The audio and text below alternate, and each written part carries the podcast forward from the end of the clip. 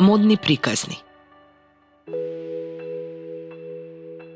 Неуредноста за време на распродажбите Неуредниот држач за закачалки со парчиња на попуст не е поради лошо менаџирање и одржување на продавницата.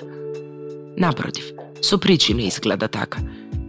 Продавачите се свесни дека хаосот и непрегледноста ќе ги отргне повеќето купувачи и ќе се свртат кон уредните штендери со регуларни цени.